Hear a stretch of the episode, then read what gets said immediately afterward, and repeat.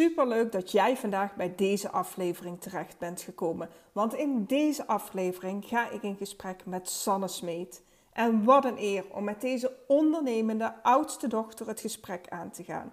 En voor degenen die Sanne niet kennen, een korte introductie. En daarvoor kijk ik altijd even de bio op Instagram, de website.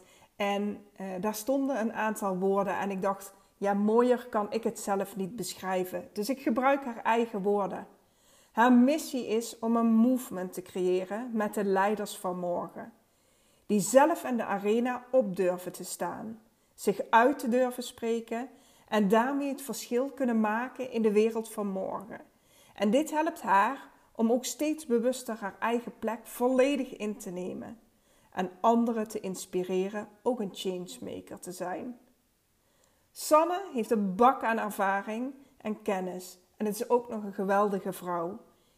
Ik zou zeggen, luister deze podcast en oordeel zelf. Ik vond het een geweldige aflevering. Hij, Sanne en ik hebben hem namelijk al opgenomen. Dus ik ga niet langer praten. Ik ga zeggen, veel luisterplezier.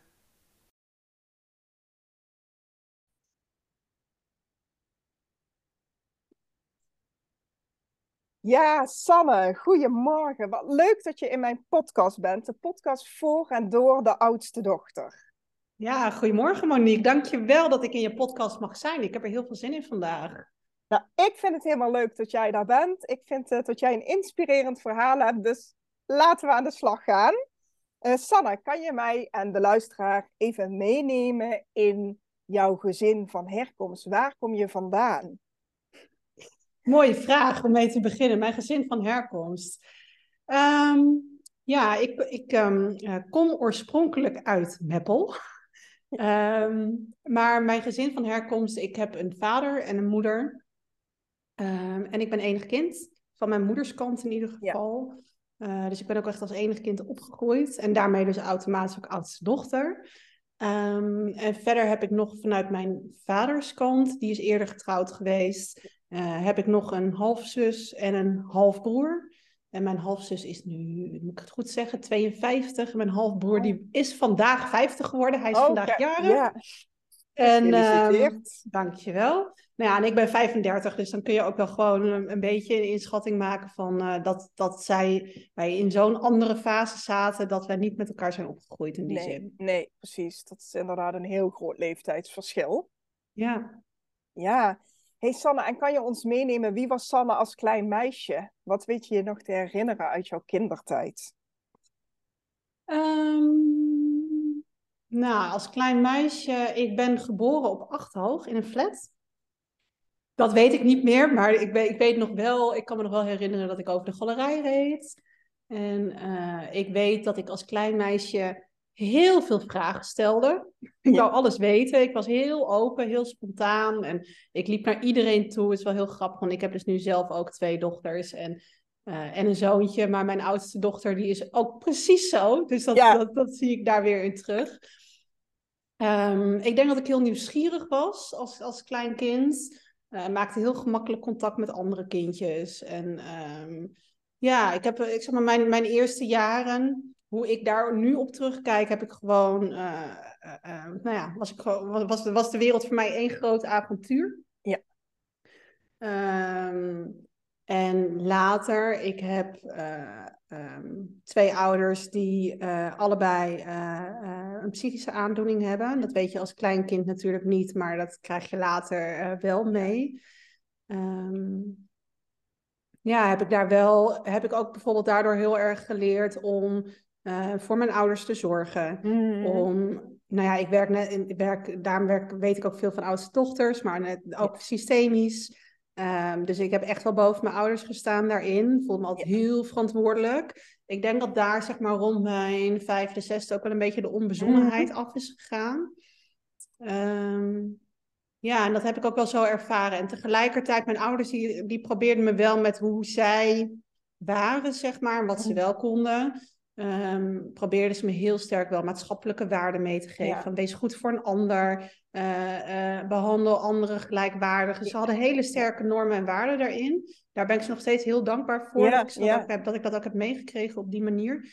Ehm, maar ik denk dat ik daar ook wel heel erg van heb geleerd om, om me heel erg, heel snel uh, te voelen in de situatie van hé, hey, wat gebeurt hier nu vandaag? Of in wat voor Mm. groep kom ik nu binnen? En Ja. daar heel snel op, op aan te passen. Ehm, dus daar, dat, dat, dat is nu een kracht van mij, maar dat is ook wel iets wat ik echt van eh, vroeger uit heb meegekregen. Ja.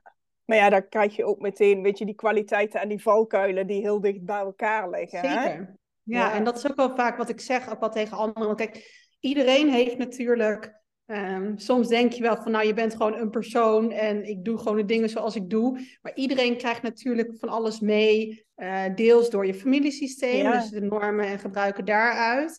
Maar ook door hoe je gevormd bent door je buitenwereld. En uiteindelijk Mm. is mijn waarheid en hoe ik nu ben, is door alle stukjes die zich in het verleden gevormd hebben. En daardoor sta ik hier nu. En ik zeg ook zelf heel vaak van, weet je, soms zijn er dingen die misschien niet per se heel positief zijn. Bijvoorbeeld als je eh, de zorg voor je ouders hebt gehad, of dat je iets anders hebt gehad.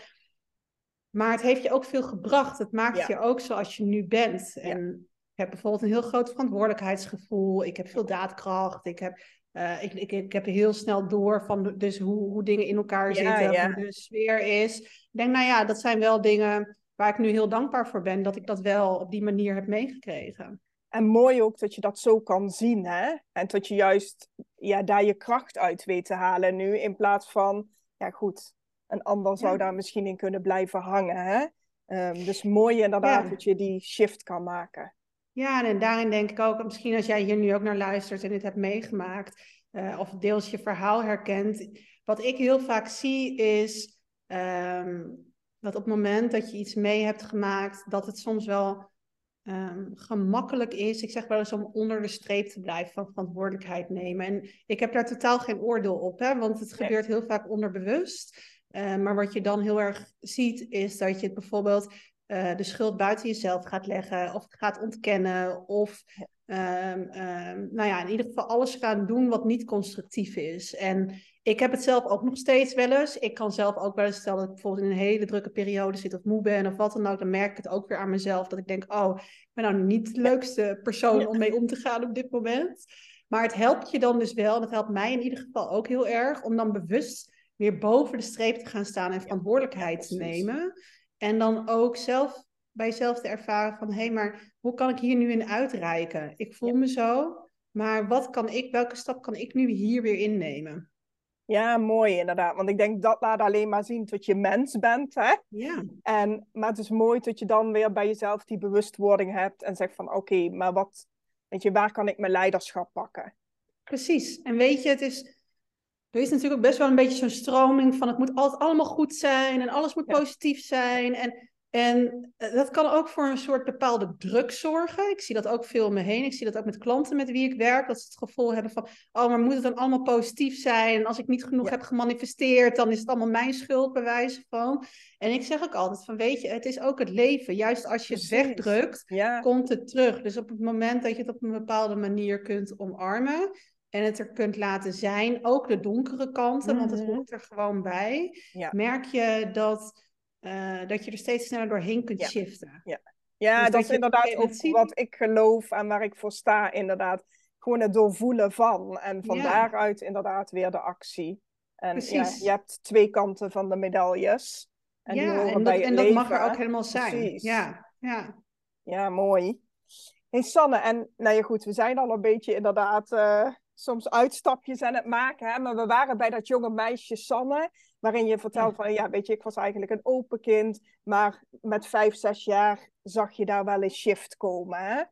Ehm, en als je ons meeneemt, zeg maar, naar je puberjaren, eh, de jaren dat je moet gaan kiezen voor een opleiding, eh, hoe ging Ja. dat bij jou?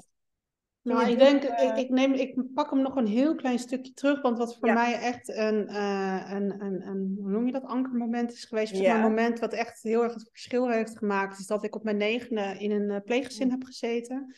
Dus dat is vlak voor mijn puberteit geweest. Ehm, en dat was het moment dat mijn ouders gewoon echt niet meer voor mij konden zorgen. En die hadden gewoon te veel de zorg aan zichzelf.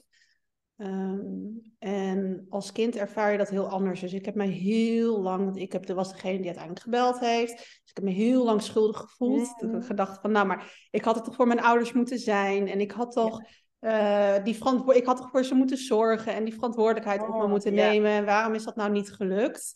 Ehm, maar achteraf, ook, ik, ik ben in het begin heel boos geweest. Mhm. Maar ik denk als ik nu ook terugkijk, en dat besefte ik me later daar ook wel, is het heel goed voor mij geweest dat ik toen echt in een hele veilige bedding terecht kwam. Dat ik echt weer even kind kon zijn. Want ik ben, mm. nou ja, in die zin heb ik gewoon niet een, een jeugd gehad waarin ik kind kon zijn zoals een kind hoort te zijn. Ja. Ehm, en dat heeft mij, en, en zij hebben uh, de rest van mijn puberteit en het begin van mijn volwassen leven. Ze mm. zijn inmiddels allebei overleden, maar in het begin van mijn volwassen leven uh, zijn ze er ook altijd voor mij geweest. Dus ze zijn voor mij echt een soort van tweede ouders geworden. Ehm, en ik denk dat mede daardoor het ook weer heeft gezorgd dat ik um, wat meer weer dat zorgeloze in me kreeg. Ja, in, uh, en ook weer het gevoel van, oh ja, ik mag ook kind zijn. Zij zeiden ook altijd heel bewust van, je hoeft niet voor iedereen te zorgen. Je hoeft niet voor je ouders te zorgen. En je bent kind. En ze hielden mij ook heel bewust buiten dingen. Nou, dat was ik helemaal niet gewend. Want als, als enig kind, als oudste dochter, werd ik overal bij betrokken. Um, was misschien ook wel de tijd, hè? Dat ze ook zoiets hadden van, oh, maar je bent meer een soort van vriendin dan een dochter. Ja, ja, en ehm, als oudste dochter heb je dan nog, ook nog de neiging zo van als je er niet bij betrokken wordt, dan voel je het toch aan, waardoor je toch gaat vissen. Ja, je voelt toch een soort van eh, buitengesloten. ja. Exact. Dus het is als kind pak je dat ook op. Uh, maar dat is echt wel een, een, markeerpunt in mijn leven geweest. Ja, snap ik. En um, wat mij denk ik heel erg heeft geholpen, ook door mijn puberteit heen. Ik was natuurlijk, ik was al voor mezelf heel erg verantwoordelijk. Ik kon heel goed leren. Ja. Dus dat is voor mij, ik heb heel veel gelezen. Ook als kind, dat was mijn manier, een soort van veiligheid om in een andere wereld uh, te zijn.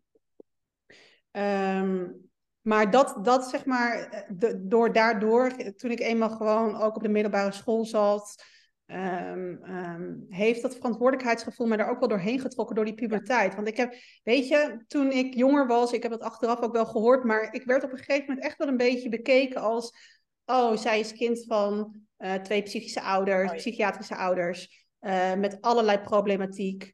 Um, uh, zij heeft zoveel op haar bordje gehad. Nou, de kans is groot dat ze dat zelf ook krijgt. Dus ja, het zijn natuurlijk, het zijn natuurlijk uh, zij, ze waren op een bepaalde manier ziek uh, met ziektes die ook erfelijk zijn. Ja. Dus het was ook heel erg zo van, nou ja, waarschijnlijk komt zij ook in dat hele circuit ja. terecht en komt het niet goed met haar. En ik weet nog dat dat tegen mij toen is gezegd. En dat dat voor mij heel erg juist een soort van vechtersmentaliteit naar boven heeft getrokken. Van nou, maar weet je, ik laat jullie wel zien dat ik het wel kan.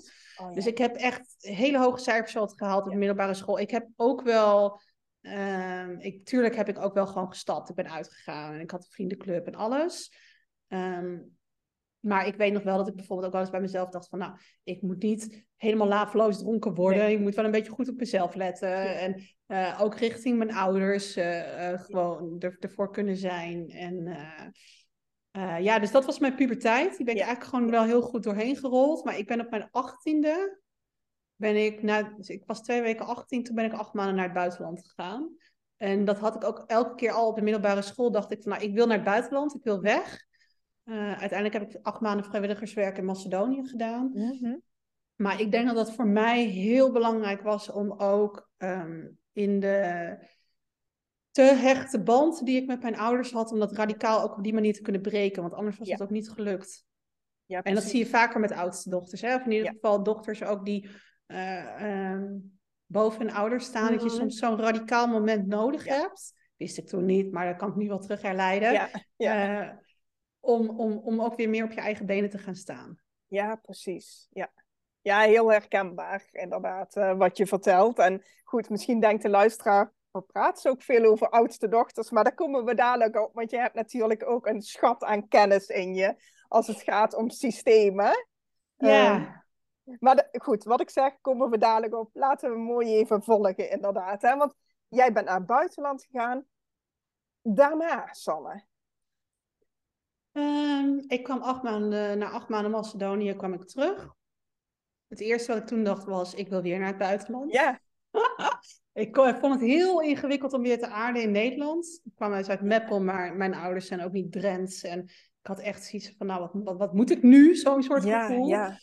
Ehm, toen ben ik het HBO gaan doen, eh, bestuurskunde in Leeuwarden. Met het idee van, nou weet je, dan heb ik een, eh, een opleiding wat ook een beetje op het buitenland was gericht. Dan haal ik dan een propenduizen en dan ga ik naar de universiteit. Dus mijn idee was, nou één jaartje Leeuwarden en eh, dan ga ik Ja. weg. Ik ben meteen op kamers gegaan. Ik heb volgens Ja. mij nog drie weken bij mijn ouders gewoond. Nou, dat, ik, wil- ik, wil niet zeggen, het ging niet goed, maar ik was er echt heel erg Ja. aan toe om uit huis te gaan. Na acht maanden op mezelf. Ik wou zeggen, die reis heeft daar natuurlijk ook een hele grote rol in gespeeld. En je moet nagaan, hè, dat was 2005. Dus toen was er ook nog geen tijd van eh, WhatsApp. En eh, in, ja, er was internet, maar heel traag. Dus we hadden echt één keer per week via vaste telefoon contact. Dus het is Ja, zeg ja. maar niet dat je continu in contact met elkaar staat. Dus dan ben je ook dus nog heel veel meer op jezelf in die Ja, zin. Eh, ik ben toen naar Leeuwarden dus gegaan. Ehm, heb mijn eerste jaar HBO bestuurskunde gedaan. Ehm, toen wilde ik eigenlijk weg. Ik, wou eigenlijk, ik had zoiets van, nou, een propenduis heb ik gehaald, ik ga weg. Ehm, maar toen werd ik, kon ik in het studiegenootschap waar ik actief was voor bestuurskunde, eh, kon ik vicevoorzitter worden. En ik had zoiets van, nou, die bestuurservaring, dat vind ik zo waardevol. Dan ga ik dat nog een jaar doen en Ja. dan ga ik dan weg. ja, precies. Dan blijf ik daarvoor nog. Precies, dus dat heb ik een jaar gedaan.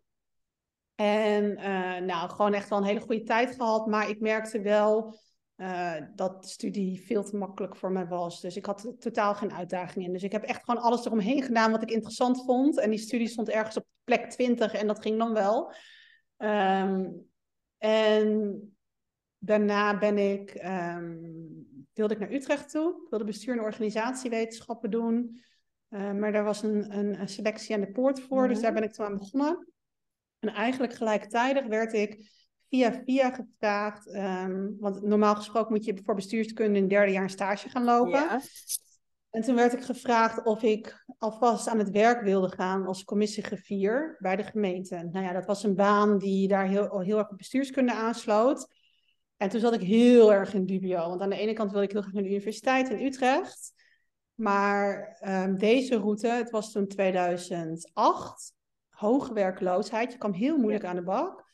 Um, zorgde ervoor dat ik twee jaar werkervaring op kan doen. Want ik, ik zou het voor twee ja. jaar doen. En mijn studiefinanciering kon behouden. En mijn HBO in drie jaar kon afronden. Dus uiteindelijk heb ik toch voor die keuze geko mm -hmm. gekozen. Ja.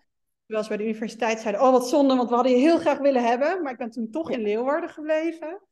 Uh, dus toen heb ik, ben ik 32 uur gaan werken als commissiegriffier stadsontwikkeling, als jongste commissiegriffier van Nederland. Toen dacht ik, nou, zie je, dat kan ik ook. Precies. In de pocket. Ik heb in drie jaar mijn HBO afgerond. Ik kan nog twee jaar studiefinanciering over voor master. Uh, daardoor. Um, en eigenlijk op het moment dat ik dacht, nou, nu ga ik echt weg. Uh, ik was bijna klaar met mijn baan als commissiegriffier. Toen kwam mijn man in de gemeenteraad en toen leerde ik hem kennen. En toen werd ik verliefd. Zal je altijd zien, hè? Ja. dus dat was 2010. En uh, het eerste wat ik tegen hem zeg, hij, hij, hij, zegt ook nog wel eens tegen mij, van, dan herinnert hij zich mij eraan dat ik tegen hem zei, nou, ik um, uh, ga voor 13 maanden naar het buitenland en ik hoef nooit kinderen. Dat was mijn... Um... En toen dacht hij, nou, dat wordt hooguit een scharrel. Ja. ja. we zijn dus nu nog samen, we zijn inmiddels 12 jaar samen, dus we zijn echt wel, wel steady met elkaar. Ja. Met drie kinderen. Dus ik wou zeggen, met, uh, ja, precies. Um, maar goed, ik ben toen vanuit daar, ik ben toen dus in Leeuwarden gebleven. Ik ben een studie in Groningen gaan volgen in plaats van Utrecht. Dus ik ben een master in Groningen gaan doen, sociale planologie. En vanuit daar ben ik wel weer vijf maanden naar het buitenland gegaan. Dus ik heb vijf maanden mijn ja. scriptie uh, gedaan in onderzoek in uh, Zuid-Californië. En um, ja, en zowel voor Macedonië als Californië. Mijn ouders hadden echt heel weinig geld. Dus er was echt geen geld om mij te financieren om naar het buitenland te gaan. Uh, heb ik twee keer een beurs gekregen. Dus daar was ik ook wel trots op. Ik dacht, nou, ja. ook dat heb ik gewoon goed voor elkaar. Ja. ja, nee, maar ik denk wel van, weet je... Mensen zeiden toen nog vaak tegen mij: Oh, je doet dit wel allemaal. En uh, nou, uh, de, de, wat, wat, jou komt het ook allemaal aanwaaien. En toen dacht ik: Nee, ik werk er ook hard voor. Ik, maak ook, ik neem risico's. Um, maar ik, ik, ik heb altijd wel een heel duidelijk doel voor ogen. Mm. En dan, ja, dan zorg ik ook gewoon dat het gerealiseerd wordt. Ja. Dus dat is, nou, dat is misschien ook wel die daadkracht wat, er nog, wat er toen nog veel meer in zat. Ja, hoor, precies. dan, daadkracht, resultaatgericht, uh, precies. doelgericht. Ja, heel doelgericht. En niet zozeer voor de buitenwereld van nou kijk mij eens, maar het was vooral achteraf denk ik ook, het was heel erg bewijzen naar mezelf. Van, Zie je wel dat ik het kan? Zie je wel dat ik, uh, dat ik gewoon goed, kan, uh, goed uh, geslaagd ben in de maatschappij? Um, dat soort dingen. Ja. ja, en ik vond het ook heel leuk. Ik vond naar het buitenland gaan echt ontzettend leuk. Uh, ik denk ook, ik zeg wel eens tegen Hein, als ik uh, hem niet had ontmoet, was ik denk ik ergens gaan promoveren of zo bij een buitenlandse universiteit. Ja. Gewoon lekker weggegaan. Ja. En nu zit ik dus nog in Leeuwarden, dus dat is... Uh, Daar ben je ja. gebleven, ja. Ja, ik heb wel nog met een uitstapje na, na mijn studie. Toen ben ik um, eerst uh, rechterhand van de directeur van Leeuwarden Culturele Hoofdstad geweest. Dat was ook heel erg tof om te doen. En toen dacht ik wel van, nou, als ik dit blijf doen, dan blijf ik de rest van mijn leven in Leeuwarden. En dan zit ik ja. bij een gemeente of zo en daar heb ik helemaal geen zin in. Um, dus toen ben ik bij Twijnstra Gudde gaan werken voor drie jaar. En um, ja, dat was een groot adviesbureau in Amersfoort. Ja. Wat heel, heel veel mogelijkheden bood. Um, daar ben ik ook veel meer in aanraking gekomen, ook met systemisch werk, met Ja, want die vraag had ik inderdaad zo van... Een shitload aan opleidingen daar gekregen. Waar kwam dat? Ja, dat is daar echt... Uh, um, ja, je hebt daar... Je, je werkte echt... Het was heel hard werken. Ook op hoog niveau. Hele grote projecten, rijksprojecten die ik heb mee heb geholpen gedraaid. Uh, uh, infrastructuurprojecten van miljarden, ministeries die ik helemaal heb getraind, uh, mede verantwoordelijk voor was. Dus het, was echt heel erg leuk. Maar er zat ook heel veel opleiding bij en heel veel kennis bij. En ik merkte op dat niveau dat er ook wel, um, ook door de adviseurs, een heel groot zelfbewustzijn werd gevraagd. Dus het was op een gegeven moment wel van, ja, je kunt heel hard werken, maar er zit een grens aan wat je met je hoofd kunt. Dus wij hebben toen echt wel een jaar een opleiding persoonlijk leiderschap gehad. Uh, daar werd ik helemaal getriggerd door, oh, er is meer dan alleen je hoofd. Het is heel belangrijk om ook heel veel grond te staan. Dus echt gewoon deze lijn zeg maar ook goed te hebben. En niet alleen de uh, um, horizontale lijn. Dus dat is daar toen heel erg ontstaan. Um, en het was ook wel heel grappig, want ik ben dus met Hein, we zijn getrouwd en we zijn weer gaan lotten. En ik kreeg dan ook wel van mensen op die projecten te horen. Ik werkte heel veel in Rotterdam en Den Haag en ik woonde in Utrecht. Ja. Uh, dat mensen zeiden, vind je man dat niet erg dat je nu door de week weg bent? Zei, als ik nu een man was geweest, had je me dat dan ook gevraagd? Dus het is ja. wel, uh, ja, dat, dat, dat merkte ik wel heel erg. Maar ik vond het echt heel erg leuk. Uh, maar daar ben ik daar dus mee in aanraking gekomen. En ook dat degene die mij toen, waar ik dus toen een jaar dat persoonlijk leiderschappen heb ja. gedaan, die zei: Jij moet je echt gaan verdiepen in systemisch werk, want dat is echt iets helemaal voor jou. En ik was Voelde jij vijf... die toen ook? Of, uh... Nee, ik was dus toen 25. Ik heb daar toen bij gekeken. Bij Phoenix heb ik toen destijds gekeken, opleidingen. En ik dacht, hiervoor ben ik veel te jong. Dit kan ik echt nog helemaal niet dragen. Dus ik heb dat ja. bekeken en vervolgens dacht ik, nou, ik ga hier uh, niet mijn vingers aan branden. Dus nee, ik, ben dat, ik heb dat niet gedaan op dat moment. Ja. En um, ik, het is later nog een keer op mijn pad gekomen, ook helemaal out of the blue, dat iemand tegen mij zei: Oh, systemisch werk, daar moet je echt meer mee gaan doen. En op dat moment voelde ik het nog steeds niet. Ik dacht, nee. nou. En ik geloof er ook wel heel erg in. Kijk, iedereen volgt zijn eigen pad daarin. Mm-hmm. Maar ik heb wel het gevoel dat je een soort van draagkracht nodig hebt om anderen daarin be- ja. te begeleiden. En op het moment dat je nog zo. Ik heb, zeg maar, in mijn twintiger jaren Um, onder andere doordat ik een relatie kreeg met Hein. Nou, dat doet natuurlijk heel veel met je, uh, met het binden, verbinden aan een ander. Um, maar ook verlatingsangst, wat ik nog heel erg had op dat moment. Maar ook moeder worden. Ik werd op mijn 28ste voor het eerst moeder. Um, ik had nog heel erg mijn eigen persoonlijke processen door te werken. Ja. En ik geloof wel, weet je, bepaalde processen, dat, ik zeg ook wel eens, het is levenswerk. Je hoeft echt niet te verwachten dat dat nee. uh, uh, binnen uh, na één sessie over is. Dus je krijgt altijd weer op een ander niveau terug. Maar ik ben op een gegeven moment de opleiding gaan volgen voor systemisch werk na de geboorte van Linde, dus na de geboorte van mijn tweede dochter. Um, en pas op na dat moment had ik ook het gevoel van oké, okay, maar nu voel ik het zelf ook dat ja. ik dit kan dragen. En ja. dat ik het nu ook aan een ander door kan geven zonder dat ik er zelf heel erg tussenin zit. Ja, Ja, je hebt eerst zelf uh, werk te doen, inderdaad, voordat je ja. Ja, op die positie kan staan. Hè? Ja, en ook ehm, niet steeds jezelf als referentiekader gaat nemen. Van, oh, maar hoe is dat voor mij geweest? Ik kan er nu heel erg voor anderen zijn, zonder dat ik dat mhm. projecteer op mezelf. En ik denk dat ik dat pak een beetje tien jaar geleden niet had gekund. Nee. Ja, mooi. Mooi pad heb je gevolgd. hey, en hoe kwam het ondernemerschap daar ergens op jouw pad? Ja, mooie vraag. Um, gelijktijdig met, mij, met eigenlijk vlak na de geboorte van mijn tweede dochter. Ehm, ik ben na Twijnse Gudde werkte ik vier jaar bij uh, provincie Overijssel. Nou, ik woon in Leeuwarden, dus moest elke dag naar Zwolle toe. Ehm, ja, dat was gewoon echt wel heel intens. En op dat moment toen kwam er... Ik zat nog helemaal niet in de coachwereld. Hè? Het is gewoon één grote bubbel, maar ik, was er, ik had er echt überhaupt nog nooit van gehoord. Uh, kwam ik iemand tegen die, uh, die een webinar gaf over waar word je nu gelukkig van. En tot die tijd had ik altijd heel hard gewerkt. En um, dat was in 2018. En dat ik dacht van, op een gegeven moment opende het mijn ogen. En toen dacht ik, eerder dacht ik altijd van, nou, zodra, uh, zodra Linde naar school, zodra Veerle naar school gaat, mijn oudste, dan ga ik iets dichterbij zoeken. Dus het zou 2020 zijn geweest.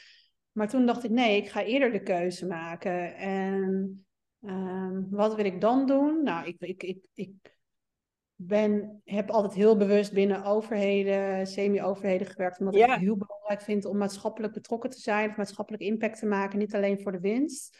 Um, maar ineens, me, ik, ik, ik, liep altijd tegen kaders aan. Dus ik werd altijd knettergek van dat ik honderd ambities had. En dat er dan werd gezegd, ja, maar dat kan niet. Vanwege ja. dat we het altijd al zo doen. Of dat ik heel klein werd gehouden. En toen kwam ineens het ondernemerschap. Nou, ik kom helemaal niet uit een ondernemersfamilie of mensen om me heen die dat hebben.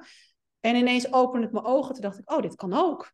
En dan kan ik het helemaal zelf bepalen. En uh, ja, zo ben ik dus, ben ik eerst, heb ik met mijn werk toen ik zei, nou, ik wil eigenlijk niet fulltime terug. Ik wil niet voor 32 uur terugkomen, maar ik wil het liefst voor 20 uur terugkomen. Dat ik nog anderhalve dag uh, kan besteden aan het, uitdenken, het ontwikkelen van, uh, van mijn onderneming.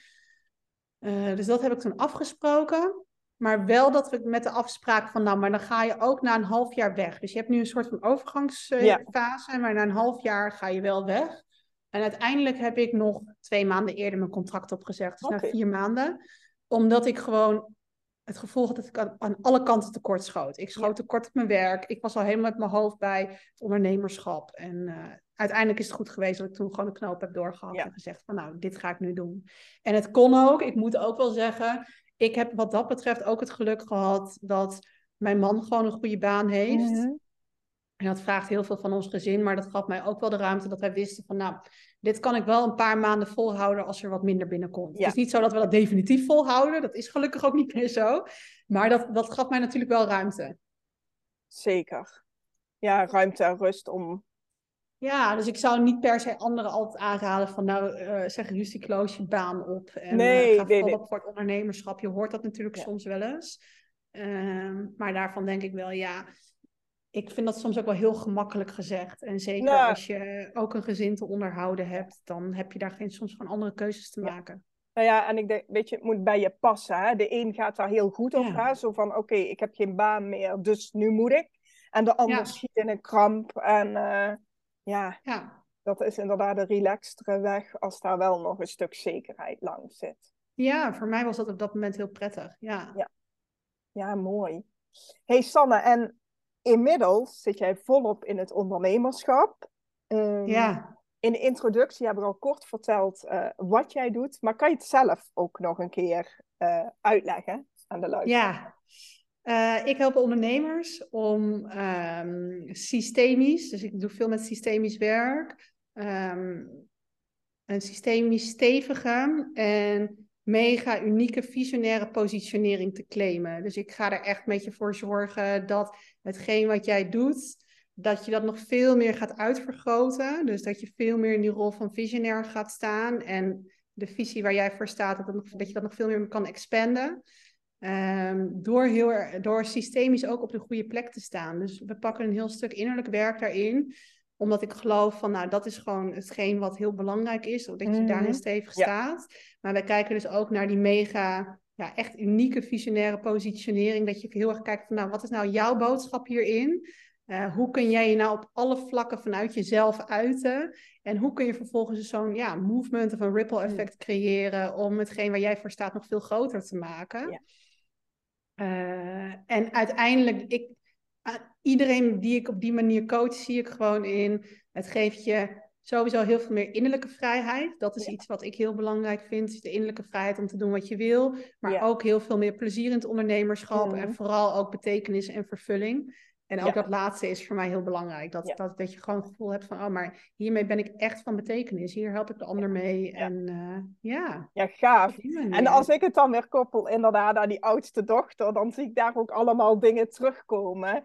Want zo'n een oudste dochter, wat ik heel veel zie, en misschien kan jij het beamen, is van inderdaad, weet je, het zit vaak in een groot verantwoordelijkheidsgevoel, hard werken. Maar wat mis je daardoor? Voldoening vaak in je werk en ja, plezier, precies. hè? Want het is ja, resultaatgericht van, gaan. doel, eh, van het ene doel naar het andere toe, Ja. inderdaad. En- Ja, en wat ik ook wel heel vaak zie, weet je, het is ook op een gegeven moment logisch, het wordt ook heel vaak gezegd, mensen zijn, en ik snap het ook in het begin van je ondernemerschap, dat je gericht bent op omzet, maar ik geloof gewoon niet dat externe vrijheid en nog hogere omzet, dat het uiteindelijk voor vervulling zorgt. Dus wat ik heel vaak zie, is dat ondernemers op een gegeven moment zijn gestart, die eh, hebben een mooie business opgebouwd, die hebben het helemaal volgens de regeltjes gedaan, volgens de regels van een coach waar we het eerder over hadden. En dat je op een gegeven moment op het punt komt van, ja, maar past dit nou wel bij mij? En haal ik hier nu wel vervulling Hmm. uit? ja, En dan ga je ook ervaren dat die innerlijke vrijheid, dat die vervulling, dat dat veel ehm langdurig, duurzamer Mm. is. Ehm, en dat je uiteindelijk ook heel erg veel meer gaat brengen. Ja. En nou ja, daar zit ergens mijn grotere visie in. Dat ik, ik vind het gewoon, ik wil heel zelf heel graag een movement creëren, een beweging creëren voor eh, eh, de nieuwe leiders in de wereld van morgen omdat ik daar, ik, ik geloof gewoon, als je kijkt naar wat de wereld op dit moment om ons heen nodig heeft, dan, dan is dat menselijke verbinding. Technologie neemt zo heel veel over. ehm, we gaan steeds meer tegenover elkaar staan. En uiteindelijk hebben we het wel met elkaar te doen. En hebben we hele Mhm. grote maatschappelijke thema's ook met elkaar op te lossen. Ja. En daarvoor moeten we met elkaar werken, ook al zijn we het niet altijd met elkaar eens. Ja. Ehm, maar daarvoor heb je wel inspirerende leiders nodig die daarvoor durven te gaan staan. ja, gaaf. Heel mooi, Sanne. Ja, Ja. Ja, ik vind sowieso inderdaad dat je heel mooi werk doet. Hey, en als we Nou. even teruggaan eh, naar jou als oudste dochter, hè? En ja. In relatie tot het ondernemerschap. Als je dan ziet, zeg maar, weet je, nou goed, ik herhaal het voor de luisteraar. Jij eh, weet het inderdaad wel, een beetje eigenschappen die passen bij de oudste dochter is een groot verantwoordelijkheidsgevoel, voortvarend, plichtsgetrouw, toch wel ook een serieuze kant hè, van de manier waarop je dingen oppakt, zorgzame kant inderdaad, perfectionisme komt daar veel bij. Dat was Ehm, allemaal afchecken, hè? ja, ik wou zeggen.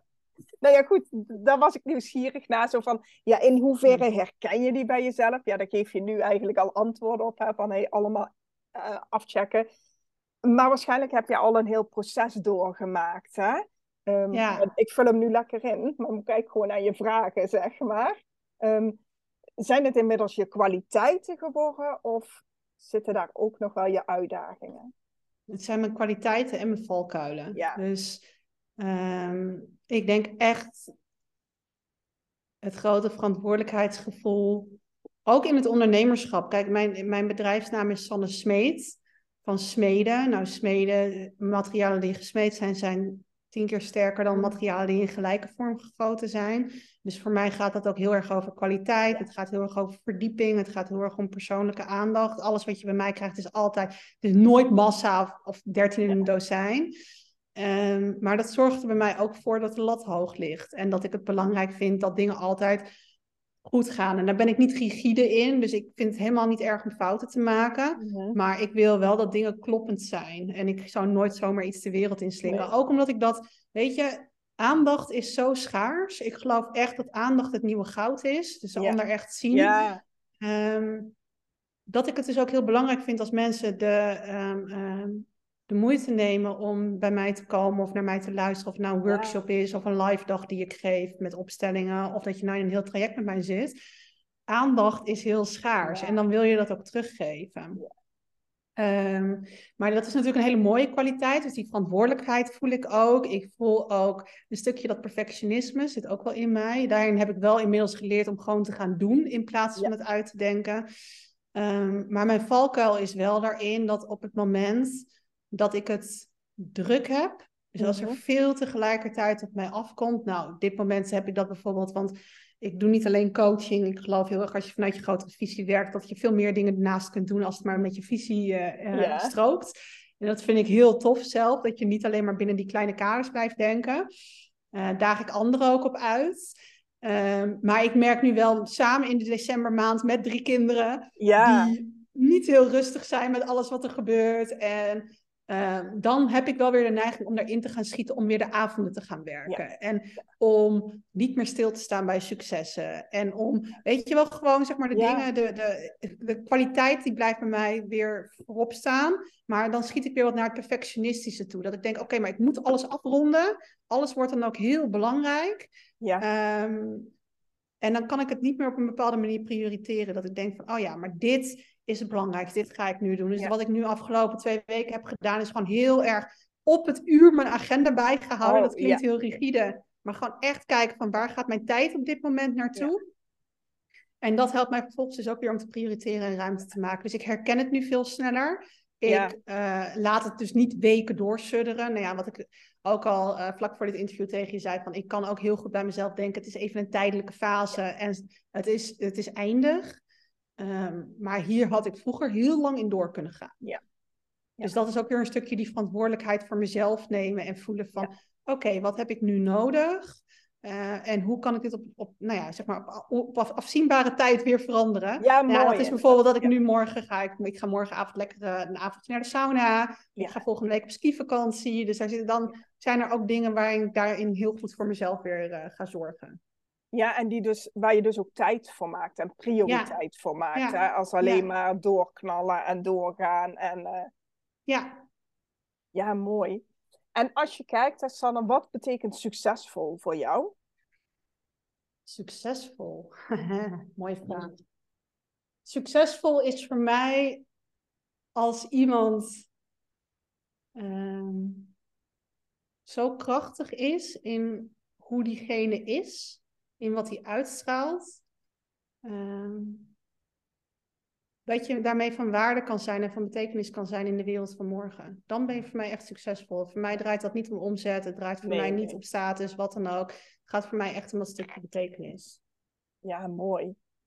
Mooi ook om te horen, inderdaad. ik heb nu al een aantal vrouwen gesproken die inderdaad gewoon afwijken van, weet je, het heeft niet met omzet te maken, weet je. Er zit zo meer, zoveel meer diepgang in succesvol. Ehm, ja, weet je, dat is, dat is vaak, hoe ik het vaak onderscheid, is dat dat succesvol is voor de buitenwereld. Ja. Ehm, en soms is het ook succesvol zijn voor je familiesysteem, om het maar even heel plat te slaan. Van, heel vaak krijg je natuurlijk allerlei dingen mee van je ouders en ben je op zoek naar een soort van externe validatie, externe veiligheid. En dan is dat, omdat het altijd zo normaal is gevonden, ben je dan succesvol. Um, maar uiteindelijk heb je dat ook weer in jezelf te zoeken. En te ervaren van oké, deze patronen, daar heb ik nu mee te maken. Ik voel dat er bijvoorbeeld oordeel zit van mijn mm. ouders uit op uh, mijn eigen weg volgen. Of bijvoorbeeld, misschien heb je wel meegekregen van nou, hard werken is succesvol. En dat heb je op een gegeven moment zo eigen gemaakt en zo geïntegreerd. En op het moment dat je dat voelt, dan gun ik je gewoon echt om daarmee aan de slag te gaan. En of je dat nou met systemisch werk doet, zoals ik doe, of dat je dat op een andere manier doet om te samenwerken met je onderbewustzijn. Um, het geeft je zo heel veel kracht terug. En daarmee voel je dat je, um, dat je innerlijk succes hebt. wat het maar voor jou is. Ja, ja. ja zeker. Inderdaad. En we hadden het voor de podcast hier natuurlijk ook al even over. Hè? Zo van, ja, dat je eigenlijk iedereen gunt om met dat onderbewuste aan de slag te gaan. Hè? En of dat nou inderdaad is uh, systemisch werk, creatrix, breathwork, maakt niet uit wat. Maar dat het ook zoveel sneller gaat. Dat je op een gegeven moment kom je op een niveau dat je het niet meer met je hoofd kan bedenken. Precies. Ja. En ik merk wel daarin, ik weet misschien heb, ervaar je dat ook wel bij de mensen met wie jij coacht, dat uh, ik vaak vrouwen coach ook, die ook heel erg in hun hoofd zitten. En het zijn allemaal slimme vrouwen die het heel erg proberen te valideren. Precies. Dus dat ik ook wel eens te horen krijg, ja, maar werkt dat nou dan? En Ja. Oh, hoe zit dat dan? En eh, Ja. ehm, dat, dat ze daar het gevoel hebben dat het niet werkt of zo. Ehm, maar ik bleef dan heel even hangen, Sanne. hij bleef Oh, heel even hangen. Dus waarschijnlijk in de audio is er een heel klein stukje wat we gemist hebben. Nou, Ehm, moet ik het opnieuw eh ja, inspreken? ja. Nee, ik zei van in de samenwerking eh, met mijn klant, maar waarschijnlijk ook met de vrouwen met wie jij werkt. Het zijn allemaal slimme vrouwen, het zijn Ja. allemaal krachtige vrouwen, maar ook vrouwen die heel veel met hun hoofd denken, die een heel Ja. groot hoofd hebben, figuurlijk gezien. ja. Ehm, en het ook heel erg proberen te valideren in het werken met je onderbewustzijn. Dus wat ik ook altijd doe daarin, is om ook te zeggen, ook in de opstellingen met wat ik doe, ehm, ook al probeert je mind het nu over te nemen Ja. of te bedenken met alles wat je daarin bedenkt, zak je nog verder in je onderbewustzijn. En zal je, om, om, ehm, omdat ik weet dat, dat het heel gemakkelijk is om vervolgens te denken, hé, hey, maar het werkt niet. En dan ga je op een gegeven Ja. moment zo in je hoofd zitten. En ik denk altijd, het werkt voor iedereen. Alleen je moet het jezelf wel toestaan. Precies. En daarin, voor als jij hier nu naar luistert en denkt, oh, misschien is het wel interessant, gun het jezelf ook. En stel jezelf ook de vraag, waarom zou het voor jou niet werken? Want het werkt gewoon. Ja, zeker. Geloof ik heilig in, inderdaad. Ja. Ja. Hey Sanne, en als jij de luisteraars, dus ondernemende oudste dochters, een tip zou mogen geven, wat zou dat Ja. zijn? En ik weet dat het altijd zo'n cliché vraag, zeg maar. En hij is heel groot, maar ik ben benieuwd, zeg maar. Ja. Dit is een mooie vraag. ik heb tien tips. ja, precies. Nou, wat ik, wat ik je echt gun en wat ik je echt mee wil geven is, eh, ik gun je gewoon echt om thuis te komen in jezelf, omdat je waarschijnlijk zo gewend bent om voor anderen te zorgen, of dat nou ehm, misschien bij je eventuele kinderen is, of je partner is, of je ouders is, of misschien ook wel je klant in het ondernemerschap. We zijn natuurlijk heel erg gewend om veel te geven. Uh, maar nemen is ingewikkeld, omdat je daarmee toch automatisch in een soort Ja. van schuld staat. Um, maar ik gun je dat wel. Ik gun het Ja. je echt om jezelf te laten dragen. En om daarmee dus aan de slag te gaan. In welke vorm dan ook. Want je gaat merken dat op het moment dat je thuiskomt in jezelf, dat je veel meer die stevige bedding in jezelf Mhm. gaat vinden. En het vertrouwen ook in jezelf gaat vinden. Dan is alles mogelijk. Ja. En dan maakt het niet zoveel uit welke bouwstenen je op je bedrijf gooit of hoe je het gaat doen. Want je doet het heel erg van binnenuit. En dan ga je echt die vervulling, die voldoening ervaren en Ja. het plezier. Dus dat is echt iets wat ik andere vrouwen daarin gun.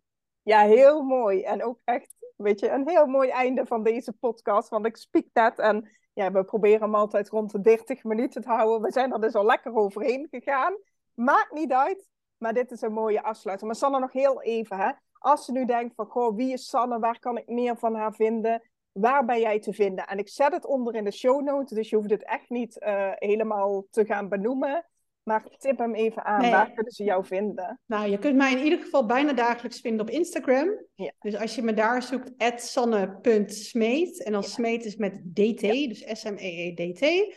Ehm, vanaf januari weer op mijn website, sannesmeet.nl. Ja, En als je dit nou hebt gehoord en denkt van, oh, hier wil ik meer over weten. Ik vind het heel interessant, dan kun je me altijd een bericht sturen. Dat vind ik alleen maar hartstikke leuk. Hey Sanne, en nu weet ik dat jij in het begin van het jaar ook een hele toffe workshop nog uh, gaat geven. Kan je Ja. dat heel even kort vertellen? Want ja, die is natuurlijk reet uh, interessant. En ik Ja, jij gaat- voor de luisteraars. Ja, ik eh, eh, geef op 11 januari geef ik nog een workshop van 10 tot 12 via Zoom online. Ik zal je ook even de link geven dat je het in de show notes kunt Ja, zetten. top.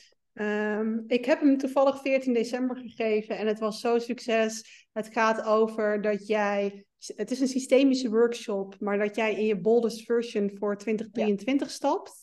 Het is dus een Ja. individuele workshop met een individuele Ja. vloeropstelling. Maar het gaat er echt voor zorgen dat de doelen en dromen die jij voor 2023 hebt, dat je die niet alleen maar gaat visualiseren, maar dat je het Mhm. ook echt gaat ervaren. Dus je gaat er helemaal in staan. Ja. En juist door er nu al te staan, ervaar je gewoon dat die doelen en dromen ook voor jou bereikbaar zijn. Ja, ja super. Nou ja, goed. Dus, uh, Voel aan, maar ik zou zeggen, ben erbij. En, ja, uh, het is een hele mooie, laagdrempelige workshop. precies. Twee uur, helemaal ook, ook nog in de replay in je eigen tijd te Ja. volgen. En Zeker. ik weet ook van oudste dochters dat je vaak heel druk bent en geen tijd maakt voor jezelf. Maar ik heb ook tegen een aantal gezegd die nu mee hebben gedaan, gun jezelf dit. Nou, het, Ja. is ook een, het is ook jezelf gunnen, die twee uurtjes, om Ja. echt even met jezelf bezig te zijn. En Precies. nou ja, wat ik tot nu toe heb teruggekregen, ook echt stuk voor stuk van, oh, het voelt zo licht, ik mag zoveel meer plezier, Ja. zoveel meer vervulling, zoveel, ja, echt dat lichte. Dat mag nog veel meer in 2023. En ik denk, nou ja, ik heb het nu met een kleine 20 vrouwen gedaan, ik gun dat gewoon de wereld aan vrouwen, alle precies. ondernemende vrouwen die dat eh, ook mogen ervaren. Ja. Helemaal mee eens. Mooi. Ik ga dat in de show notes erbij zetten. Sanne, dank je wel voor alles wat je gedeeld hebt. Voor je openheid, je eerlijkheid, je kennis. Dank je wel. Ja, jij ook heel erg bedankt, Monique. Ik vond het heel fijn interview met je. En ik vind ook de vragen die je stelt zijn heel raak en heel bijzonder ook. Dus ik ben alleen maar heel dankbaar dat ik dit samen met je mocht doen. Dank je wel daarvoor, Sanne.